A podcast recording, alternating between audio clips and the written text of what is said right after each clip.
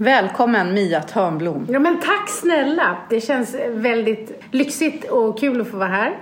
Och eh, ovant att bli inbjuden istället för att vara den som bjuder in. Så kan man då säga. Men jag tänker att samtal med dig tar ju liksom aldrig slut. Det känns som att du är en sån här person för mig som jag aldrig kommer att ha pratat klart med. Och det är ju ömsesidigt, det är vi ju två om. Och jag håller verkligen med. Men det är ju så att när man delar nörderiet, alltså vi delar ju nörderiet, kommunikation, människor, ledarskap. Och om man också tycker att den andra är duktig mm. så tar det ju aldrig slut. Det tycker jag är faktiskt viktigt. Den, den sista är mycket viktigare än vad... Du satte verkligen fingret på någonting. För att för mig så handlar det så mycket om att jag behöver respektera andras kunskap och kompetens. Men inte bara kunskapen utan också vad man gör av den. För det räcker inte riktigt med att veta utan man måste ju också göra någonting av det man vet. Precis, och det är väl just det där att eh, det tycker jag i vår eh, liksom, bransch eh, där det gäller då utbildning, föreläsning och allt sånt där så, så finns det ju många som kan mycket. Men det är inte nödvändigtvis samma sak som att de kan omsätta den kunskapen i kompetensen. Det är inte alltid så att de når fram. Eh, ibland har man lyssnat på någon hålla ett föredrag som man känner, gud den kan så mycket, jag har så mycket frågor och så känner man hur den inte förstår. Och det tänker jag handlar om att man tänker för mycket på vad man själv ska säga och för lite på vem som ska lyssna. Det är inte bara Leint Eksvärd som säger att budskapet ska inte bara gå ut, det ska gå in ja, men, hos publiken. Ja, men framför allt det kanske är fler så, som säger så. Ja, men framför allt så tror jag att man ska tänka så här, eh, liksom, hur är det att lyssna? Och det kan jag säga, jag får ju ofta frågor så här väldigt roliga frågor, men det har jag fått många gånger. Aldrig så direkt som ett mejl där det stod så här. Hej, jag skulle vilja veta hur skriver man en bestseller? Och sen, vilket förlag ska jag välja? Det var så här underbart. jag skrattar så mycket. Och, eh, men jag har fått jättemånga människor som har mejlat mig som eh, vill ge ut en bok och som ofta säger så här, jag har så mycket att berätta. Och det är helt fel tänk det man ska göra är, alltså det är en bra start, mm. men om man sen ska skriva en bok så måste man tänka, vad är intressant för någon annan att läsa?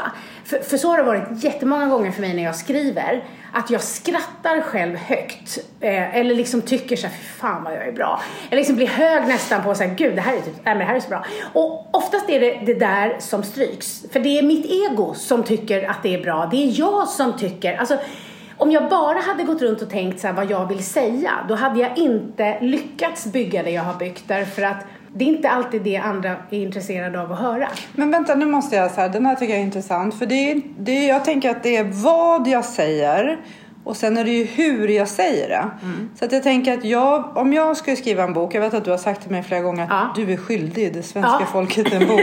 ja, det tycker jag. Ja, men om jag ska skriva en bok så tänker jag ju på vad vill jag då säga i min bok som jag skriver? Mm. Och sen twistar jag nog till det och tänker så här, hur ska jag då säga det? Mm.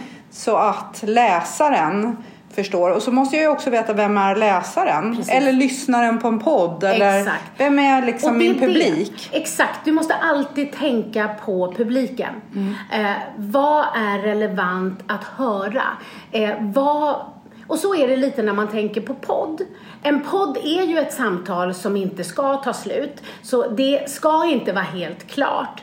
Eh, en bra podd kan man till och med bli förbannad på när den tar slut för att man tycker att den var för kort. För det betyder att man vill lyssna igen. Mm. Det ska inte vara perfekt. Det ska liksom skapa ett sug, ett längt efter mer.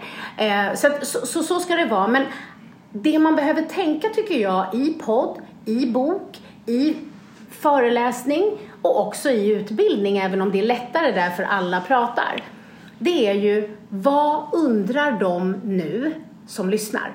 Vad är deras fråga?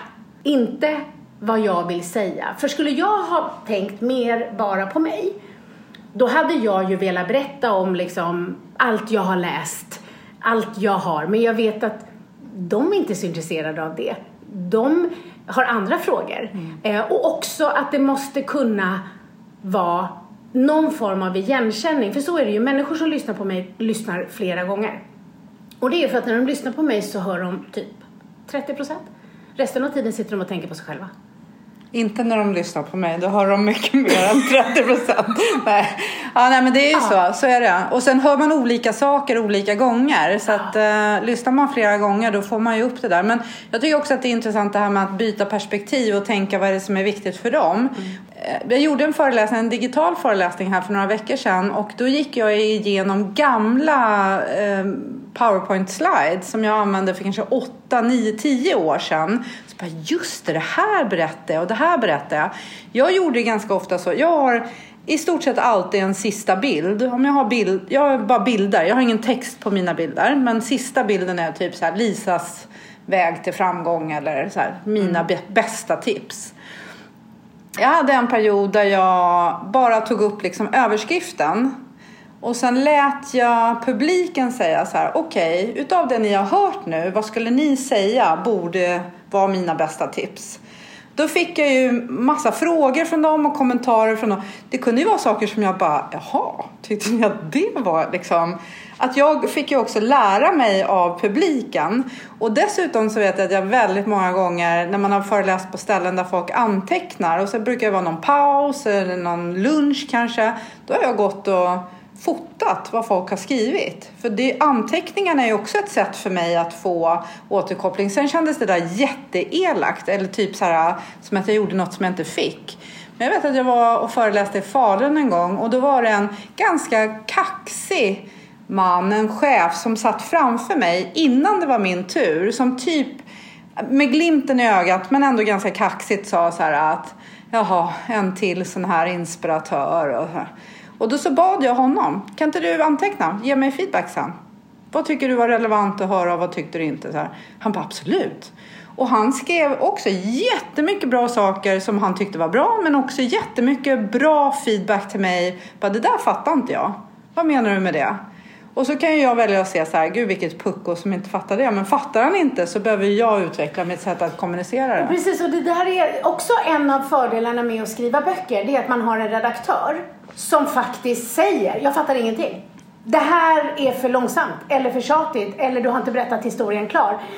så det är också ett medie där du verkligen, sen skulle jag säga att där jag verkligen har lärt mig det här, det är faktiskt alla de tolvstegsmöten som jag har gått på. Att gå på typ anonyma alkoholister då går det till så att det är olika ämnen och så är det att ordet går runt och man kallar det att man delar, alltså share, man delar med sig. Eh, det har jag sett på TV. Ja, och så behöver man, så. you don't need to share. Du Nej. behöver inte säga något. Behöver kan inte, utan du kan säga, hej jag heter Mia och jag är alkoholist. Eller vad man nu har för utmaning. Och sen så här, då kan man säga, jag väljer att lyssna. Och där då har jag ju i realtid tränat på att formulera mig. Så att jag har tränat på att så här, temat är rädsla. Och så ska jag börja prata om rädslor. Då ser ju jag i det här rummet med de här människorna som man lär sig, för man går på samma möten och man går år ut och år in, alla som inte tar återfall. Så ser man ju om de hängde med. Mm. Och sen kan det ju vara så, man ska inte kommentera varandra men det gör ju alla ändå. Och då är det så, någon annan, ah som Mia sa, och så kanske de säger något som jag verkligen inte har sagt. Då har man fattat, nu var jag otydlig. Plus att jag också har lyssnat på andra och sett vilka formuleringar som går fram, vad känner alla igen sig i, man nickar. Så det har ju varit verkligen en studie i kommunikation. Eh, så det har varit super, super spännande. Men det är just det där som du gör när du frågar publiken. Så att det är viktigt att vi vet, inte om publiken tyckte att vi hade en ful tröja eller inte. Alltså det där som inte är innehåll utan bara olika tycke och smak. Någon stör sig på att man svär, en annan tycker att det är befriande. Alltså vissa saker är liksom olika läger. De är AIK eller Hammarbyare. Och då får man välja själv. Vad står jag för? Exakt. Jag svär. Ja, eller jag precis. svär inte. Eller jag svär inte. Ja. Eller vad man nu gör. Eller, eller liksom, det var bra. Men, men det är ju så att all feedback som jag har fått och bett om, precis som du, är ju det som har tagit mig framåt. Men det kan nog vara så att är man också en som utbildar och, och, och ledarutvecklar så tror jag kanske att man har närmre till att be om den där feedbacken. För att då är det mer en dialog, även när man står på scen. Kanske, och jag tänker att ibland kan det ju vara alltså att man står på scen inför en publik, alltså en, en på riktigt scen. Men jag kan tänka att jag gjorde så även när jag jobbade som ledare. Alltså att då var ju min grupp min publik eller så gick jag på ett ledningsgruppsmöte. Då var ju de andra i ledningsgruppen min publik. Jag tror att jag har det tänket med mig ganska mycket. Som företagare så får du ju ofta, det finns ju massa sådana olika medarbetarundersökningar som dessutom är anonyma. Och jag har ju tänkt någonstans att jag vill aldrig bli förvånad när jag får mitt resultat. Då vill jag jag vill kunna gissa och ha, vara ganska träffsäker. Jag vill inte bli förvånad. Och då måste jag ju hela tiden fråga och dessutom behöver jag skapa en tillit i den grupp som jag verkar i. Så att tillit, att jag ska ha tillit till dem men att de också ska ha tillit till mig oavsett om de har positiv eller negativ feedback. Så det där kan jag tycka är så intressant med många chefer som jag hjälper att man går i försvar. Får man negativ feedback så går man i försvar. Mm. Och då gör jag det inte lätt för dig att ge mig negativ feedback. Och det betyder troligtvis att det blir jobbigt för dig att göra det och då gör du det inte. Plus att vi går miste då om det vi behöver höra. Alltså så att jag hindrar ju även mig själv ifrån att nå min fulla potential. Oh ja, Därför sen, att jag får inte information Nej, precis. Men, men det är det jag menar någonstans att du tycker det mm. men det enda som händer är att jag inte får reda på det. Precis. Sen tycker jag att det finns många gånger som jag kan få negativ feedback där jag kan säga så här, ja ah, okej, okay, tack så jättemycket, men jag kommer fortsätta göra så. Det kanske är du svär på scen. Eller jag vet att jag har ju handen i fickan ganska ofta när jag står på scen. Och det vet jag att det finns folk som tycker så här, varför har du händerna i fickan? Ja men det är mitt sätt. Jag har ofta kostym, jag är oftast lite strikt. Så här, jag tycker att det busar till mig mm. och jag tycker att det är bekvämt för mig. Så att när jag får den feedbacken så tackar jag för den. Men jag kan ju ändå välja om jag vill göra någonting av feedbacken eller om jag säger nej men jag vill ändå ha handen i fickan. Och då gör jag ju en eh, handling medveten. Och det tycker jag, alltså att, att medvetenheten på något sätt blir bra. Ja men precis och, och jag tror att, att vilja veta och förstå vad andra tycker. Det här är ju enda anledningen till att jag, jag började ju jobba då med ledarutveckling. Alltså det började som hobby hemma i köket, eh, liksom där jag coachade människor i främst självledarskap. Men de som hittade mig då för så länge sedan, de var ju eller blev ju chefer. Så väldigt tidigt så handlade det ju om dem själva men också hur de på bästa sätt fick sina medarbetare att växa och allt sånt där. Ganska snabbt då när jag bestämde mig för att starta firma så fick jag för mycket att göra. Och det här var, det är så roligt för det var långt innan jag skrev en bok så hade jag fullt. Så att då behövde jag ta in fler som jobbade med mig. Och Anledningen till att jag har valt att ha andra ledarutvecklare som jobbar med mig, det är ju att jag vill utvecklas. Alltså vi har en hel dag varje månad, det har vi haft under alla år, där vi fortbildar oss. Ibland kommer det en föreläsare och berättar om ett ämne, eller så nördar vi egen metod, eller så tränar vi oss. Så att jag vill ju hela tiden utvecklas, därför samarbetar jag med andra. Så att det har varit hela min take på, och det gör också att jag har ett tick när jag föreläser. Och det är att jag, är ni med? Är ni med? För jag vill veta att de antingen håller med eller inte håller med eller att det har nått fram. För mig är det liksom ett samtal. Så det får jag tänka på. Jag tänkt nu, jag ska ha en digital föreläsning i veckan nu som inte är Q&A. Q&A är mycket enklare för mig. Med frågor och så ja, svarar du? mycket lättare. Alltså frågesvar, mycket lättare. Jag tycker det är mycket mer, för jag vill veta var de befinner sig. Men nu har jag en där det inte är det. Och nu är ju förberedelsen att jag inte ska fastna i för jag ser dem ju inte. De ser bara mig. Men kan du inte bygga en föreläsning på frågor som du svarar på? Ja, du, nej, det tänker jag, nej, det är inte det. Det är inte det att jag inte utan kan det är deras det, bekräftelse. Det, ja, men att jag ser ju inga nickar. Jag ser, det är lite som att prata i ett mörkt rum. Det jag vill mm. se min publik, annars kan jag stå hemma. Så jag vet ju att min stora utmaning nu i veckan när jag ska ha den här föreläsningen för en grupp som jag aldrig har träffat heller. Då kan jag inte ens fantisera hur de ser ut. Då vet jag att det är där jag kan hamna. Mm. Men det betyder ju inte att jag inte det får bli ett och annat, är ni med? Mm. Så är det. Och det är för att den här dialogen är så... Jag älskar ju att ha en utbildning när vi ser på saker på olika sätt. Få saker är ju så utvecklande som att, att inte alltid vara överens. Eh, alltså, jag har ju lärt mig allra mest när jag själv har lett utbildningar. Jag har nog lärt mig mer än de, gånger jag, de kurser jag själv har gått. Jag håller med dig. Och, och när jag går kurser själv då lär jag mig jättemycket av de andra på kursen. Exakt. Och såklart av ja. kursledaren men väldigt, väldigt mycket av de andra på kursen. Men du, jag måste fråga så här för att eh, har du alltid Har du alltid känt så här att du har velat? Har du liksom aldrig hamnat i det här läget där, jag försöker tänka så här, hur var jag som ny ledare? Jag blev ju ledare när jag var typ så 24. Mm. Och då var jag nog eh, eh, jag var nog inte så bra chef då. Jag skulle säga att alltså, hade jag 50 personer som jag var ansvarig för, kanske ungefär 50, så var 25 tyckte jättemycket om mig och 25 tyckte att jag var jättedålig. Mm. För att jag var väldigt snabb, jag såg vart vi skulle och sa typ så här, kom nu, kom så går vi, kom kom. Och så gick jag och 25 gick efter mig och 25 fattade inte alls varför vi skulle gå åt det där hållet och stod kvar med armarna i kors eh, över bröstet och bara, håller hon på med? Och de blev jag jätteirriterad på.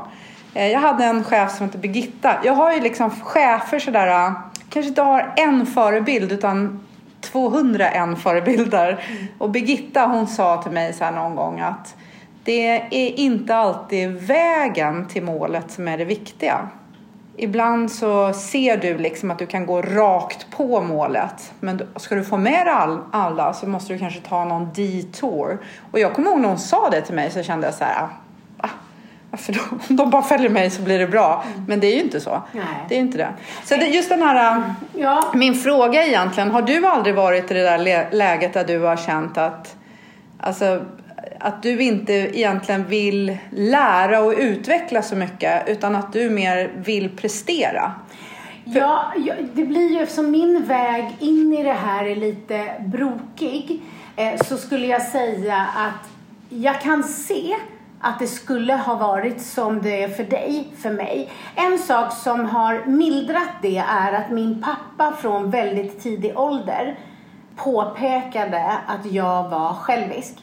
Eh, så att jag har alltid så här, hela tiden varit så här, jag får inte vara självisk utan när jag är lagkapten i fotbollslaget så här, alla måste vara med. Alltså från väldigt liten ålder så har jag fått liksom inpräntat i att så här, du är privilegierad, du har det bättre än alla och det fulaste som finns är att vara självisk. Så det hade nog varit en liten lyhördhet i mig. Men sen har jag ju mycket av det här att, men gud ser ni inte alla, vi ska hit, kan vi inte, alltså hela den. Men det som hände för mig var ju sen när jag började det började ju med att jag blev extremt duktig på att coacha ambitiösa och högpresterande personer och kunde också hjälpa dem i att förstå hur de skulle leda sin grupp. Som chef själv har jag ju då också varit alla de här åren. Är jag ju inte lika bra som jag är på att coacha. Det är jag inte. För jag är lite, sen är jag ju bortskämd då som har haft ett delat ledarskap med min man. Vad jag har för brister själv i rollen som ledare, det är att jag jag tycker liksom inte att vi ska behöva ta upp tråkiga saker om jag tror att alla har förstått det. Någon gång så sa min man att vi, vi behöver att alla förstår så vad saker och ting kostar, hur mycket allt är, liksom, så att alla förstår. För det är väldigt lätt att man tror att det är bara massa pengar in och så. Jag bara, men alla kan ju tänka själva. Och så gjorde vi det ändå. För att jag gav mig. Ehm, och, och det typ tyckte alla var det bästa mötet de har haft. Därför de sa men gud, det har vi inte förstått. Är hyran så dyr? Kostar det så mycket med material? Det hade vi ingen... Och jag bara, men allvarligt, ska vi börja prata om så tråkiga saker? Plus så här, vad då tror ni att sakerna bara flyger in genom... Alltså, är du med på den? Mm. Att jag, jag kan ibland underskatta viss nödvändig information. Jag har också underskattat behovet av struktur som är lite fyrkantig och nerskriven. Det har jag liksom fått lära mig. Eh, jag är väldigt bra på att ge stärkande feedback. Också bra på att ge korrigerande feedback. Men ibland har jag väntat. Inte för att jag är rädd eller för att jag tycker det är obehagligt utan för att jag tänker att de har väl sett det själva.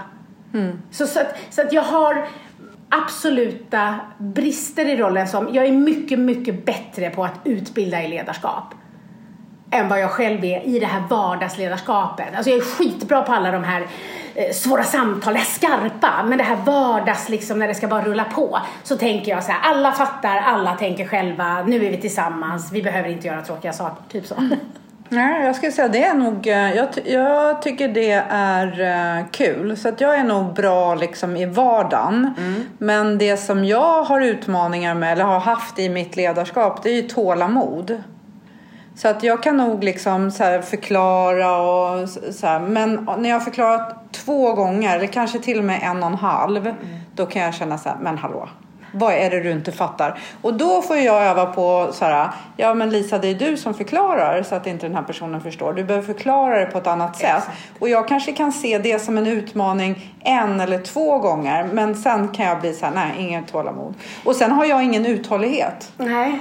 Ja, men det har ju nog jag. Men det är intressant det du säger nu. Jag coachade en eh, chef, en kvinna, som eh, har byggt fantastiskt två stycken bolag. Alltså verkligen. Hon rekryterar bara smarta människor eh, och de jobbar som konsulter. Och alla är liksom duktiga. Det är viktigt för henne. Hon har hon är ganska dömande mot människor som hon inte anser är smarta. Mm. Ganska kul. Hon är väldigt kul att jobba med. Ja. Och, eh, för det blir kul med de där som är liksom, det är lite knasigt att vara så. Men hon är så. Jag, ty jag tycker om liksom, nördar, jag tycker om knas, mm. jag gillar när det liksom inte bara är helt Samma lika. Mm. Ja men du vet så. Mm. Hon, hon är kul liksom, en annan sort. Som bara rätt upp och ner så här. Jag anställer bara smarta människor, de korkade att vara någon annanstans. Typ så. Vilket ju ingen säger.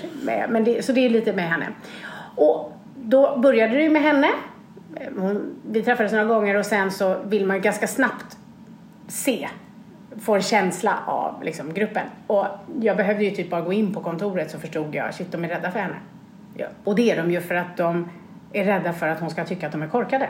Inte för att hon är farlig och ska slå dem, utan för att de ju vill att hon sitter på all makt och hon är dömande och man vill inget hellre än att vara omtyckt av henne för då är man inte bara omtyckt utan också smart. Så det blir ju extra starkt. Och jag märkte att de var, då blir de ju också rädda för att göra fel. Och det blir inget bra. Det är inga bra miljöer. Verkligen så då inte. så sitter hon och jag ner och så säger att, vet du det här med att göra misstag. Eh, vi måste prata lite om att det eh, måste få vara okej. Okay. Och då så svarar hon så här, eh, ja absolut. Det säger jag också till dem. Jaha, vad säger du då? Nej men jag säger det är okej att göra fel en gång. Så. Och då, jag bara, vet du, det är nog bra om du slutar säga det. För det är nästan ännu värre. För då vet de så här tvångsmässigt att så här, jag har en chans på mig. Alltså jag sa att det gör dem bara ännu räddare. Det hade hon inte förstått. Hon var väldigt kul så för att hon kunde verkligen ta feedback så att det var lätt för mig att coacha henne för att jag behövde inte vara mjuk. Mm. Eh, utan jag sa bara att nu har du skrämt dem dubbelt upp. De gör fler fel för du skrämmer dem och de vet att de har ett enda. Då blir det så jag får inte, får inte, bli fel. Då förstod hon det så hon slutade säga någonting. Eh, och sen fick jag ju hålla på ett tag och få henne att förstå att det som händer om du inte låter dem göra mer än ett misstag, det som händer om det är den kulturen av att de förväntas leva upp till det här smartness, det är att de, du begränsar dem de vågar heller inte utvecklas. Så att när jag fick henne att förstå hela den så kunde hon liksom ändra hela det där.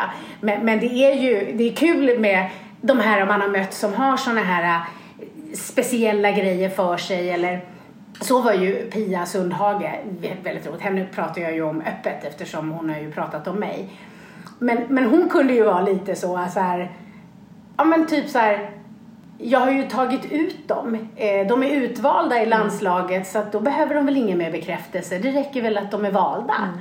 Och då försökte jag säga, men det är lite som att du är gift med någon och säger, jag har ju Liksom, jag har ju sagt att jag älskar dig. Precis, jag har sagt att jag älskar dig. Om det går över så kommer jag ju informera. Mm. Ja. Men det där kan jag faktiskt med många chefer som jag coachar som har chefer som inte ger dem feedback. Då kan jag hjälpa dem att se så här, ingen feedback är bra feedback. Då kan du klappa dig själv på axeln. Om du nu har en chef som inte är kapabel att ge dig feedback så är det lite så.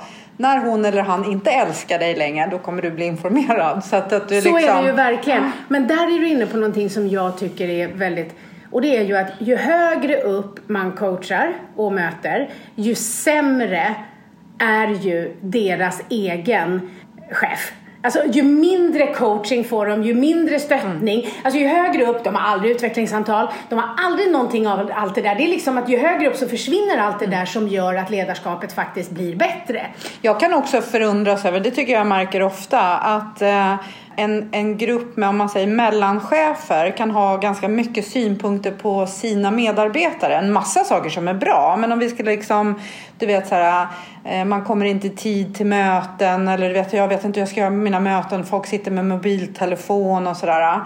Och, och, eller att man inte svarar på mail. Jag tänker på en kund här nu som bara, äh, de svarar, mina medarbetare svarar inte på mail.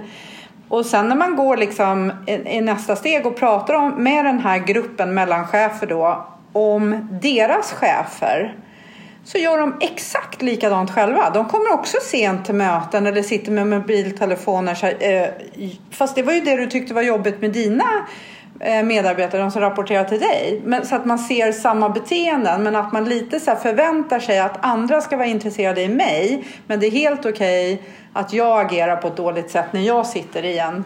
Vart det krångligt? Eller Inte förstår jag, jag fattar precis. Och det är därför jag tycker att det är så viktigt när man ska eh, liksom träna ledare eller processleda eller coacha att alltid landa i det egna ansvaret. För att just det här att om man då stör sig på ett sånt beteende att få se vad handlar det om hos mig och också se okej, okay, ja då. Alltså hur, att man mm. alltid har med sig det som man ser, för ska man förändra något så behöver man ju alltså själv göra på ett annat sätt. För om man själv hade gjort det till sin egen chef, då tror jag att man får sin egen grupp att göra det också. Jag tror att allt hänger ihop. Jag tror också att ja, allting ja. hänger ihop. Mm. Och jag tror också att man, man, det är också hur man inte godtar det.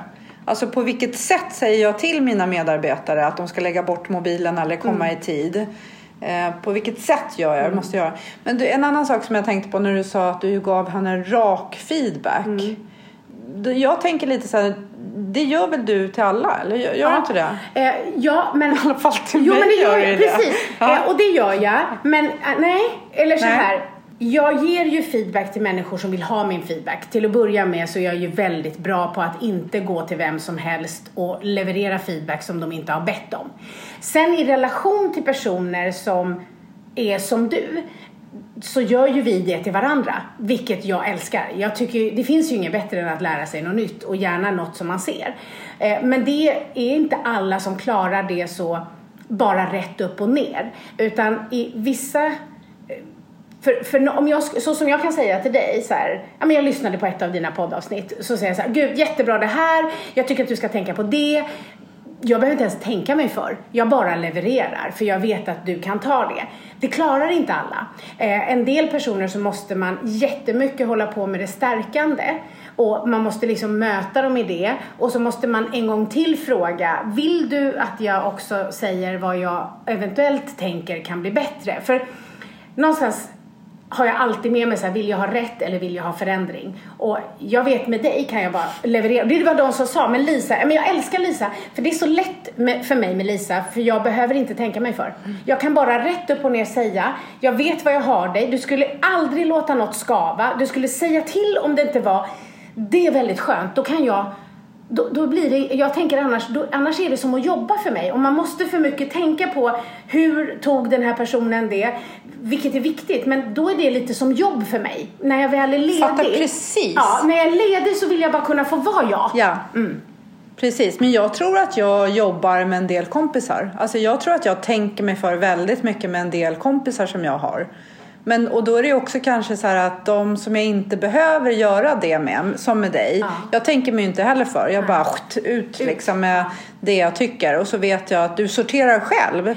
Bara för, att, bara för att jag tycker någonting så är det inte säkert att du tycker samma sak. Eller, men att du lyssnar. Precis. Men ibland så tänker jag också så här, för att i jobbet eller om man nu jobbar med vissa kompisar man har där man lindar in feedback lite eh, skulle jag säga. Alltså du, det finns ju många sådana här feedbackmetoder där först ska du säga något bra, sen ska du säga det dåliga, sen ska du säga det bra. Så ska man inte ge mig feedback. För att då blir det, det, det jag fattar liksom inte på det sättet. Men ibland kan jag tänka att jag försöker ju alltid byta perspektiv och lite som att när jag står på scen och jag har en publik och, och när jag har en adept så vill jag ju att min feedback ska gå in. Mm.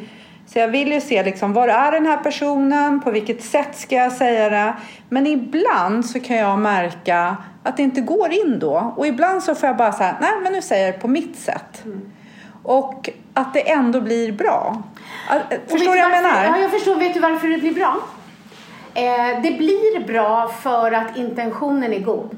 Det blir bra därför att du inte är dömande. Det är det här som människor blandar ihop som tycker att det är svårt att ge korrigerande feedback. Det är att de ger inte korrigerande feedback i sak utan de förmedlar sin värdering. De förmedlar känslan av att jag tycker att du gjorde fel eh, eller att du är dålig på det här. Inte liksom, alltså det får inte kallas för feedback om syftet inte är att förbättra. Och ibland när egot då vill poängtera eller när man vill tydliggöra eller markera eller man har väntat för länge så man har tänkt så här, hur kan hon, hur kan hon, hur kan hon? Då känner man sig dömd och det är den känslan som man parerar. Att man känner sig liksom värderad ner, liksom nervärderad i, i sin prestation och det är det. Men så är det inte med dig, utan du är alltid saklig. Du är väldigt, lite som en ingenjör. Jag har jobbat mycket med ingenjörer. Det är väldigt så här, jag kommer aldrig glömma första gången jag hade en utbildning. Och så hade jag dagen innan varit hos polisen och skulle lära ut den här när man stör sig på någon annan så finns det liksom flera frågor att ställa sig och då är det så här varför? Vad hos mig blev hotat? Vad har jag för egen del? Och, och vad blir min lärdom eller handlingsplan? Hos polisen hade vi hållit på i två timmar med egen del. För de säger nej fast nu, nej. Eh, han är dum i huvudet. Jag bara, ja, han är dum i huvudet. Men nu är inte han här. Utan nu pratar vi om dig. Så kan du se att du har en e Men de hör ju eget fel. De tror att jag är domare och att jag säger vem har rätt, vem har fel. Men jag säger inte det. Jag säger bara att alla kan vi lära något i alla situationer. Och då höll jag på i två timmar. Och då har man ju den i kroppen, alltså sin sista utbildning har man ju med sig. Så att när jag då kommer till de här ingenjörerna så tänker jag liksom tar i så här, det här kommer ta två timmar, det är det jag har planerat för. Och så ska jag börja så här, och egen del, och så börjar jag ta upp då de orden man kan välja mellan. Och då är det en av gubbarna som så här, jag har förstått, jag är oärlig, och jag bara, men jag har inte ens berättat klart. Alltså jag har inte ens berättat klart. Jag har inte ens behövt övertyga, jag har inte behövt övertala, du har inte känt dig hotad. Utan, och då förstod jag att det är för att han tar det inte personligt. Utan han är ingenjör. Han tänker att något är trasigt. Och då ska vi laga det. Och då vill vi veta vad som är trasigt. Vi tar det inte personligt. Vi förstår ju att vi lagar en sak. Och det var så skönt. Och det är så jag upplever att du är. Att det är liksom du, du, det handlar ju om liksom, att du vill bli bättre, du vill se, du vill förstå, du vill lära eh, och, och, är så pass trygg i dig själv så du kan skilja. Det du har väldigt starkt är att du kan skilja sak och person. Men alla kan inte det. Och de som inte kan skilja sak och person, där måste man visa hänsyn på ett annat sätt. Det jag gör mycket då, då ställer jag frågor ända tills de liksom ger upp försvaret. Så att jag försöker inte övertyga dem med information utan jag frågar tills de hör hur det låter när de svarar. Och till slut så kapitulerar de för de fattar att det lät inte så smart. Nu vill jag låta lite smartare. Mm. Ja, så så gör jag nog då. Ja, det är spännande. Så tänker jag på vad jag, jag, jag, kan, jag kan tycka att ibland så lindar man in saker för mycket. Ja, och att jag så... bara så här, Ja, och det, det, gör ju, och det gör ju många. Det får jag jobba mycket med. Eh, just när det gäller så här, okej, okay, inför det här samtalet och så får de liksom förbereda samtalet med mig. Och människor som då tycker att det är, och anledningen till att de tycker att det är så läskigt, det är att de själva blandar ihop. Att de inte tänker att du ska ju berätta att den här prestationen kan presteras på ett annat sätt. Det är det du ska berätta. Mm. Men du tänker innan att de ska bli ledsna och besvikna och känna sig, då blir ju allt jättekomplicerat. Mm. Eh, så att du bör ju tänka på hur du får fram och då när man tränar dem så här, okej, okay, träna på mig, börja. De använder alldeles för många ord. De gör det mm. alldeles för luddigt. Och det som händer mm. då, och det brukar jag säga, det var som en kvinna som skulle göra slut med en man som inte fattade att det var slut. Mm. Därför att, och det är också det här att de är så rädda för att de ska bli besvikna. Mm. De är så rädda för att det de ska säga ska göra personen ledsen. Ja, det kanske det gör, men det är inte hela världen. Utan du måste ändå få fram det. Och många gånger så är ju den här första reaktionen när egot får sig en smäll eller man är i ett skört läge. Så att man inte kan ta till sig det precis just där, det betyder ju inte att det inte når fram. Men om jag känner att du säger det rakt, men du inte tycker sämre om mig, då kommer jag kunna ta det när jag har fått liksom tuffa till mitt ego igen. Jag har ju sagt upp eh, många personer under mina år på SAS och där är det ju också, det fick vi ju lära oss där, att det var väldigt viktigt med att börja, inte så här, åh kom in och vill du, utan man börjar med att säga du är uppsagd. Från, det är det första ja. man säger. Mm. Och då är det för vissa så är samtalet liksom tre minuter och sen går mm. de och för vissa behöver sen ja. hjälp med att liksom mm. hitta tillbaks, man blir ledsen och sådär. Men mm. att man behöver vara väldigt, väldigt rak och väldigt tydlig. Helt oinlindat. Vi hade ju faktiskt en kille som utav sin chef blev uppsagd och det lindades in väl, så mycket så att den här killen förstod inte att han var Nej, uppsagd. Och sen precis. kom en ny, ett nytt organisationsschema ut och då var han inte med. Då gick han till sin chef och bara, "Eh, ursäkta men vad, vilken ruta är jag då? Nej men jag sa ju upp dig. Så det vart liksom världens grej. Men det var så inlindat. Och jag tänker så här att i de situationerna så har jag tänkt mycket att jag behöver göra det lätt för den personen, inte för mig. Men återigen, det är samma sak där som vi var inne på i början, att det handlar om dem, inte om oss. Och man fattar att det är inte jag som ska tycka att det är jobbigt att behöva säga upp någon. För det är klart som fan att det är, men det är ännu jobbigare för den som blir uppsagd. Ja, och sen är det, Ja. ingår det i min roll. Exakt, så man, måste, det, man, får inte ha, man har inte rätt tycker jag i den rollen att fråga sig själv om man har lust eller inte eller hur det här känns. Utan man har ett ansvar. Man ska förbereda sig och man behöver också vara förberedd på att personen som får den här informationen den kommer kunna reagera hur som helst. Och det får jag då som den som liksom för budskapet fram inte få ta personligt. För det är ju inte mot mig. Den reagerar ju på Min roll. Exakt, och Ja. det jag säger. Och det faktiska att de faktiskt har blivit uppsagda. Ja. Eh, Och, och sen kan ju det vara uppsagda eller att man har gjort någonting. eller Det Exakt. kan ju vara liksom något stort men det kan ju Ja. också vara något litet. Man har inte skickat in något mejl eller svar. Vad det än är Mm. Ja. så, är- så är det ju liksom så. Och det tänker jag väldigt ofta på. Att man är i olika roller. Utan såklart att inte vara sig själv. Jag är mig själv Ja. men i olika roller. Jag pratar på ett sätt med mina barn, på ett annat sätt med någon kund, på Mm. ett tredje sätt. Alltså man är på olika sätt. och, så, och du måste också tänka på makten. Det tycker jag på. Jag tänker precis som du på roll, men jag tänker också mycket på makt. Mm. Alltså att man förstår att om jag sitter på informationen och du blir berörd av informationen så har jag ju ett maktförhållande där som jag också måste ha med. Både roll och makt. Eller hur? och, och skyldighet. Ja, exakt. Och då är det ju ansvar i det. Har jag makt så, alltså lite, jag tänker ofta så här, Bamse, är man stark måste man Ja. vara snäll. Och snäll, alltså det mest kärleksfulla man kan göra någon gång ibland är faktiskt att vara väldigt rak. Och det, jag får ju mycket mail ifrån, eftersom jag har varit liksom öppen med min historia, eh, så är det många föräldrar som hör av sig som har barn som missbrukar och så frågar man hur man ska göra. Och där är det ju så att som förälder behöva sätta en gräns för att sluta möjliggöra barnets beroende är ju bland det absolut svåraste man kan göra. Men då pratar jag just mer om att så här, du behöver för din skull och för ditt barns skull göra det som är rätt. Inte det som kortsiktigt är enklast och känns bäst. Så att jag tror att alla de här relationerna, du pratade om det i min roll som förälder. Jag tror att för att bli en riktigt bra ledare så tror jag att man har väldigt stor nytta av att reflektera i alla roller man har. Alltså för, för man har, med alla, har man med alla de olika rollerna i rollen som ledare så når man längre. Och sen så någonstans tänker jag att man är bara människa. Så ibland så trots att man har en roll så, så bara oj hoppsan man gjorde fel. Eller att det är också okej liksom att jag är bara människa. Jag tänker just när du säger förälder. För jag har ju en tonårsson.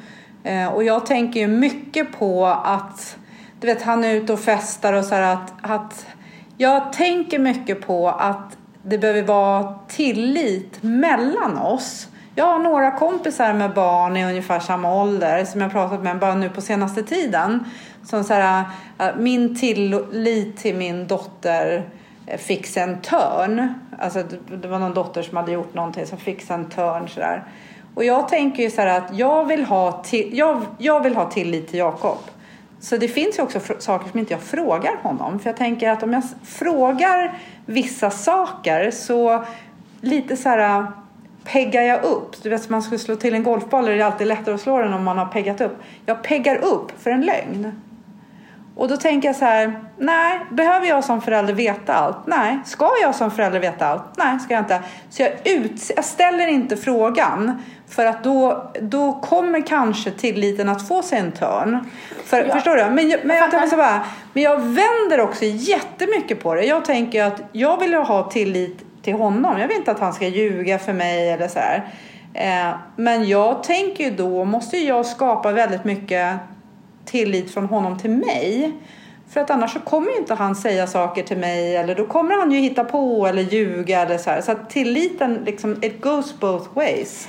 Verkligen. Också i ledarskap. Ja, och, men framför allt, men det är du som har ansvaret för det är du som är det vuxna. Mm. Och det är du som är ledaren. Där är det väldigt likt. Och där Men du det- makten, Ja, ja. där du makten Ja. igen. Men det jag tänker här som är intressant för mig att höra när du berättar, för det är ju så här att jag skulle aldrig känna när det gäller min bonusson att han kan förbruka min tillit till honom.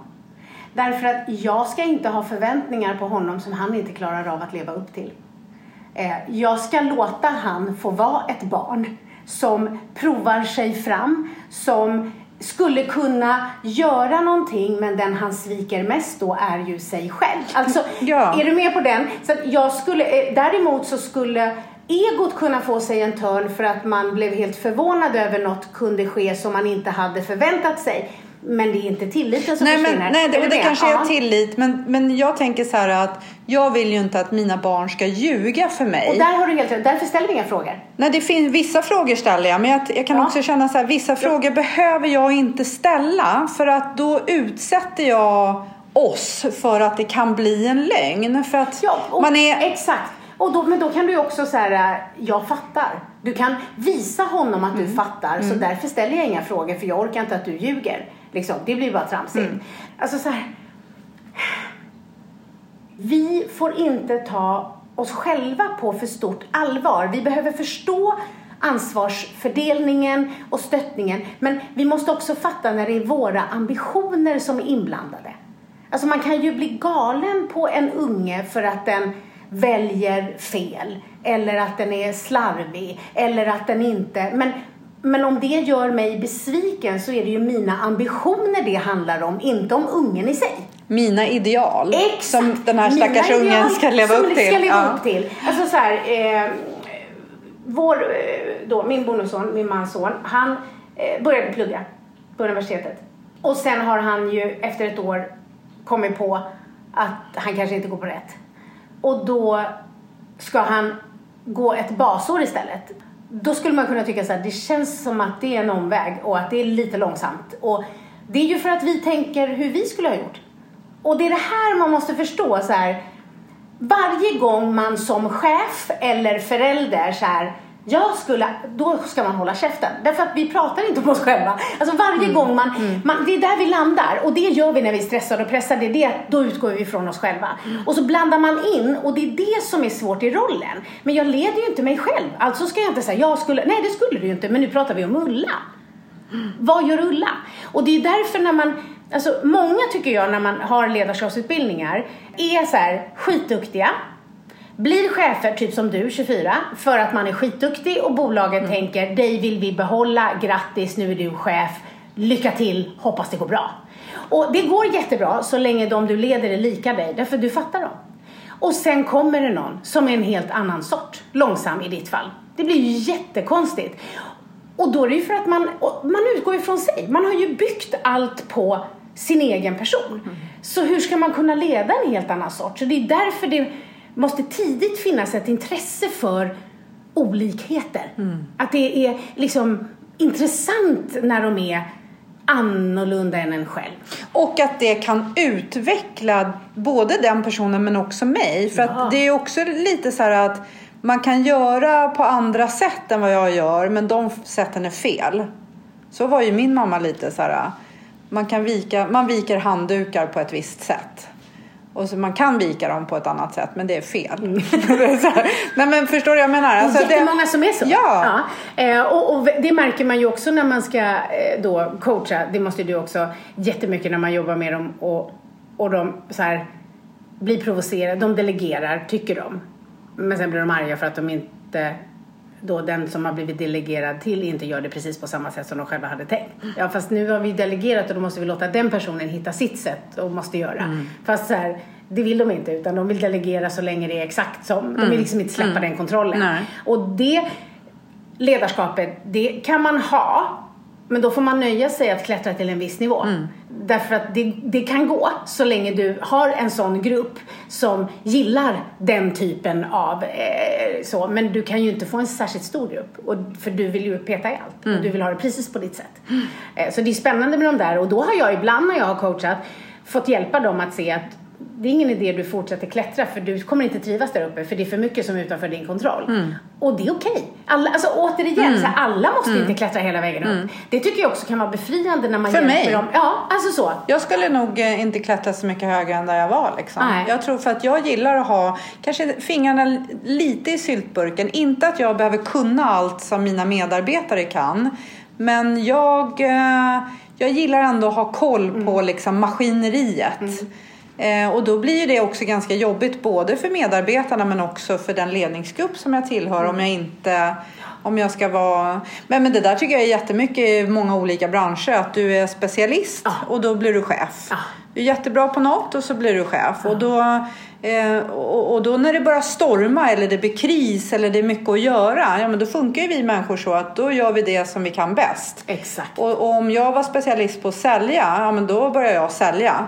Fast det kanske inte alls är det jag behöver i kris eller storm. Utan då behöver jag verkligen vara säljchef. Men det kan jag inte riktigt. Så då eh, kavlar jag upp armarna och hjälper till istället. Och, och, eh, det, det är inte... Det gäller att ha, hålla fast i sin roll och ha respekt för att medarbetarna har sina roller.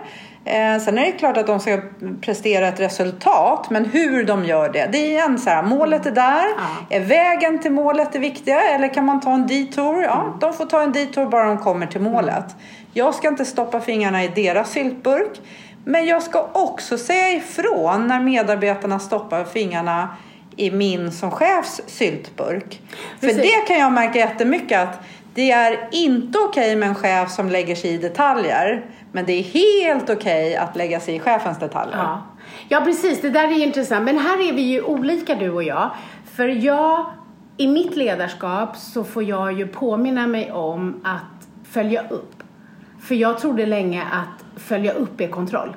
Alltså är du med? Det du gör, det gör jag inte alls. Och det blir min brist, och det är det jag försökte säga innan, vad är min brist som ledare? Det är att jag tycker bara att så här, nej men alla kan tänka själva, de är smarta och de är bra. Jag, jag är liksom, jag skulle kunna leda ett elitförband som gjorde något som jag inte ens förstod mig på.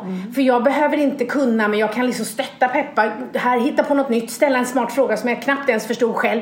Eh, men jag skulle inte så här, det kommer inte naturligt för mig att följa upp.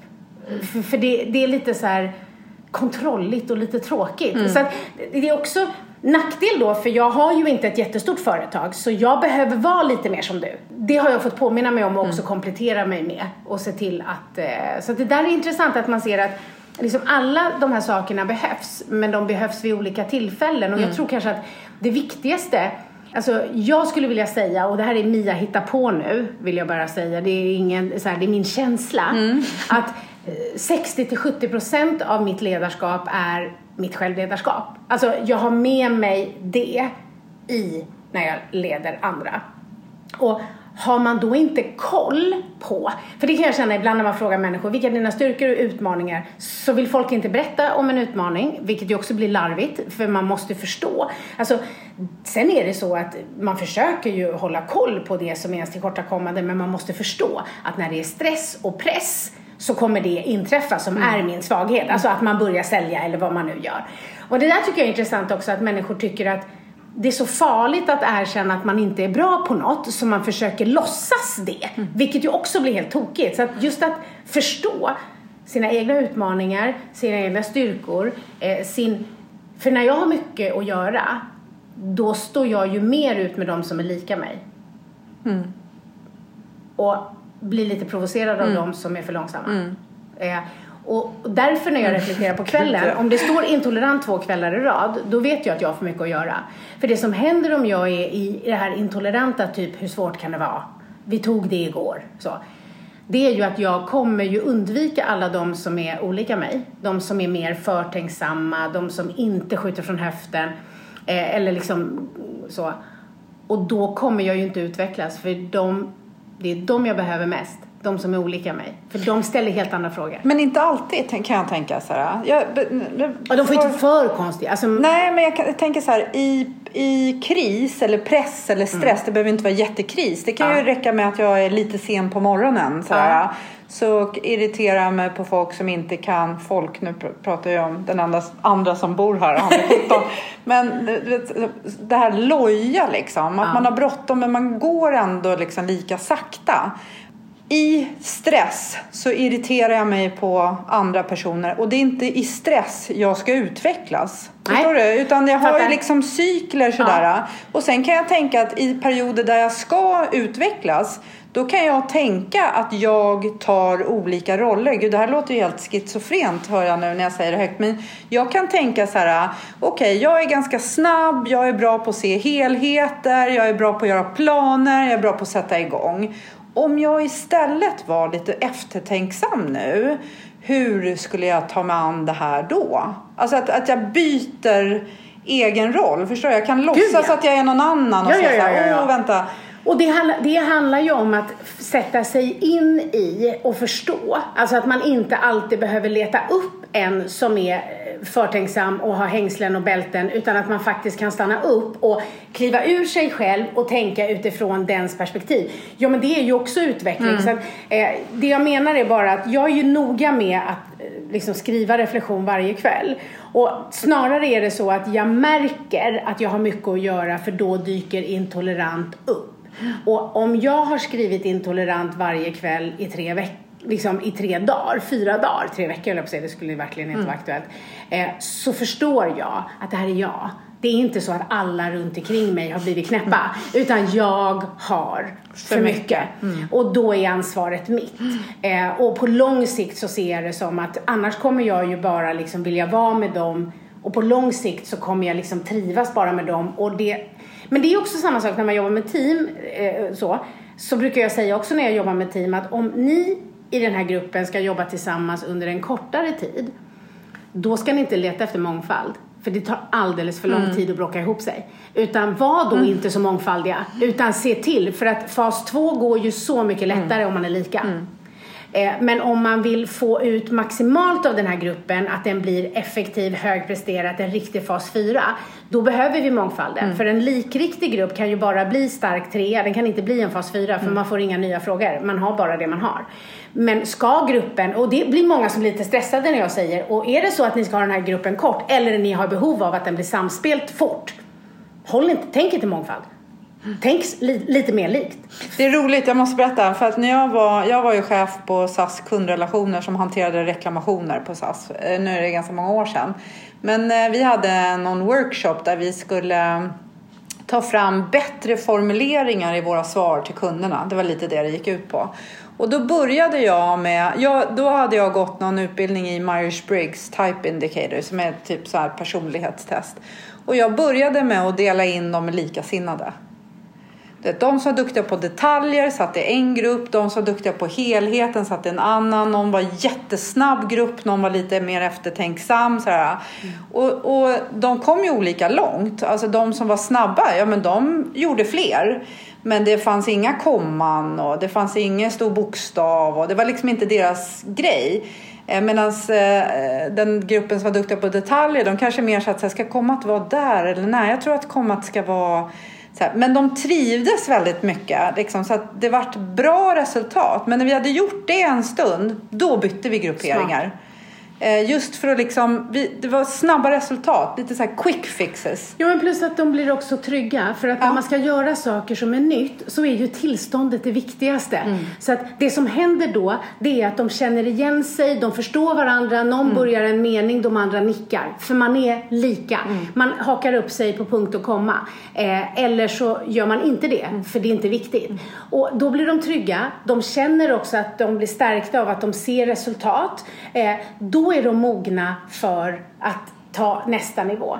Så att det, går, det är väldigt smart att lägga upp det på det sättet. Att faktiskt då tänka att man gör det som är lättare för att skapa gemenskap, trygghet, tillit. Mm. Och då vågar vi det här. Nu ska vi liksom ha grupper från de här olika och så ska vi se i mm. mer mångfald. Så. Mm. Skitsmart. Mm. Eh, jättesmart. Bra gjort. Eh, bra mm. tänkt. Jag har glömt bort att vi gjorde men vi Ja. gjorde eh, faktiskt ganska mycket sådana olika saker. Och, och just det här att, jag kan tänka på det, jag är ju en, verbal person, ganska extrovert precis som du. Och när man går på 50-årsfest eller på bröllop så här, då hamnar jag ofta vid det tysta bordet.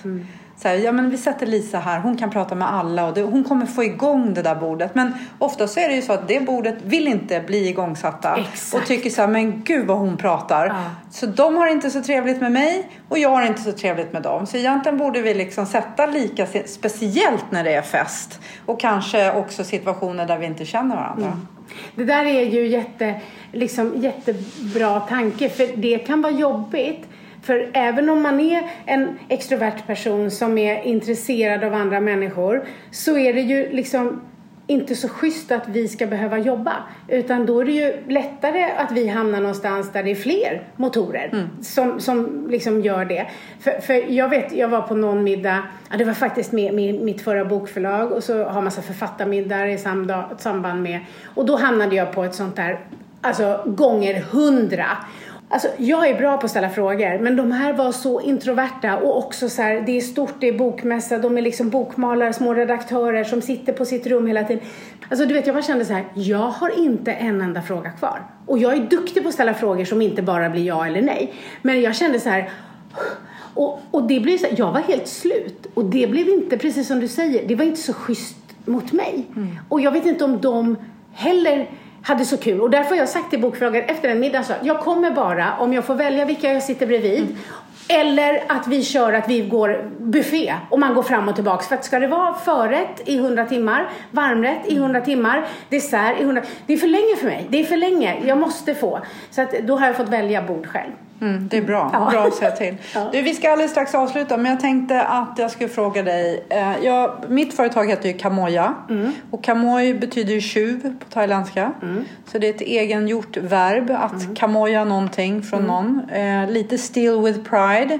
Inte att kopiera och säga att man har hittat på det själv utan att sno en idé som man kanske utvecklar till något som är ens eget. Och då tänkte jag så här, har du kamojat något bra från någon? Massor. Jag skulle säga att eh, allt jag kan har jag lärt mig i mötet med andra människor. Det kan vara att jag har läst en bok som de har skrivit, men ofta som vi sa i början har de gått på kurs hos mig. Och där lär jag mig så mycket. Fasiken vilken tur man har haft, vilka smarta människor som jag har träffat. Och så smart, eh, bland annat ordet förtänksam. Det fan, jag har aldrig hört det ordet. Det är en ingenjör som har lärt mig. Han var jätterolig. Han sa så här, Mia, det här att du säger att du är tanklös. Nej, alltså du behöver, eller att du är tanklös och att du behöver tänka, vara eftertänksam, sa han så här. Det stämmer ju inte. Du behöver ju tänka på att du är förtänksam. Jag bara, gud. Och så här är det hela tiden. Nu skulle jag vilja komma på tio saker till som smarta människor har sagt på mina kurser. För så är det verkligen. Och det jag gör då är att när, de, när jag har kurs och så gud, det där, jag kommer sno det där. Är det okej? Jag kommer liksom inte, jag låtsas aldrig att jag hittar på det själv. Utan, utan så är det verkligen inte. Det var det jag kom på nu. Eh, just ordet förtänksam. Det är bra. Det, Det är det är bra ett ord. tänka före, inte efter. Jag är Nej. jättebra på att tänka efter. Jag analyserar hela tiden. Mitt problem är att jag inte alltid tänker före. Så jag behöver vara förtänksam.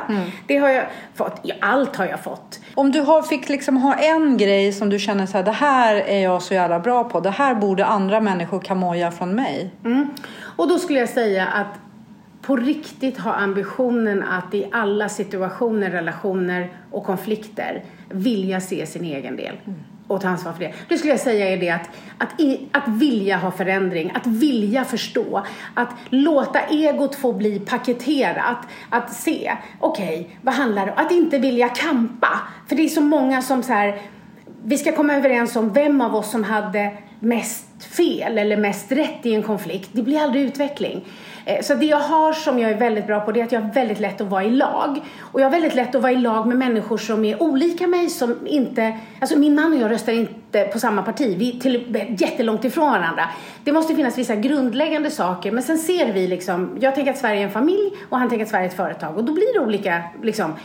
Och, och det där att jag inte tänker rätt och fel, utan jag tänker egen del och vill ta ansvar. Och det här har jag blivit bättre på att stå för. För jag måste säga att jag det är skönt att komma in i klimakteriet, det är skönt att bli äldre. Det är fördelen också med corona tycker jag. Det är att så här, nu räcker det. Nu orkar inte jag mesa med att så här, be om ursäkt för att jag vill ta ansvar. Det är inget finare tycker jag än att ta ansvar. Ja, gud vilken lång svar. Det tyckte jag var ett jättebra svar. Jag tänker att vi avslutar där. Och jag, innan vi så trycker på off här så måste jag bara säga att jag, skulle jag få frågan om den mest generösa människa jag känner så skulle det vara du. Är det sant? Ja. Gud, jag vet ingen fint. som är så generös som du. du så här, utan eh, någon tanke eller du bara, du är otroligt generös. Det uppskattar jag så mycket med dig. Bland annat, jag uppskattar massor med dig. Men det tycker jag Tack! mest generösa. Vad fint. Mm. Det, det betyder väldigt mycket för det är ju min viktigaste värdering. Den lever du verkligen. Ja, det är viktigt för mig Mm. att göra det. Och det här är också så att jag vill vara bra. och att det, det får vara okej att vilja vara bra. Det tycker jag också. Att jag tänker inte be om ursäkt för det. Mm. Det tycker vill jag verkligen inte du ska göra. Tack snälla Mia. Tack!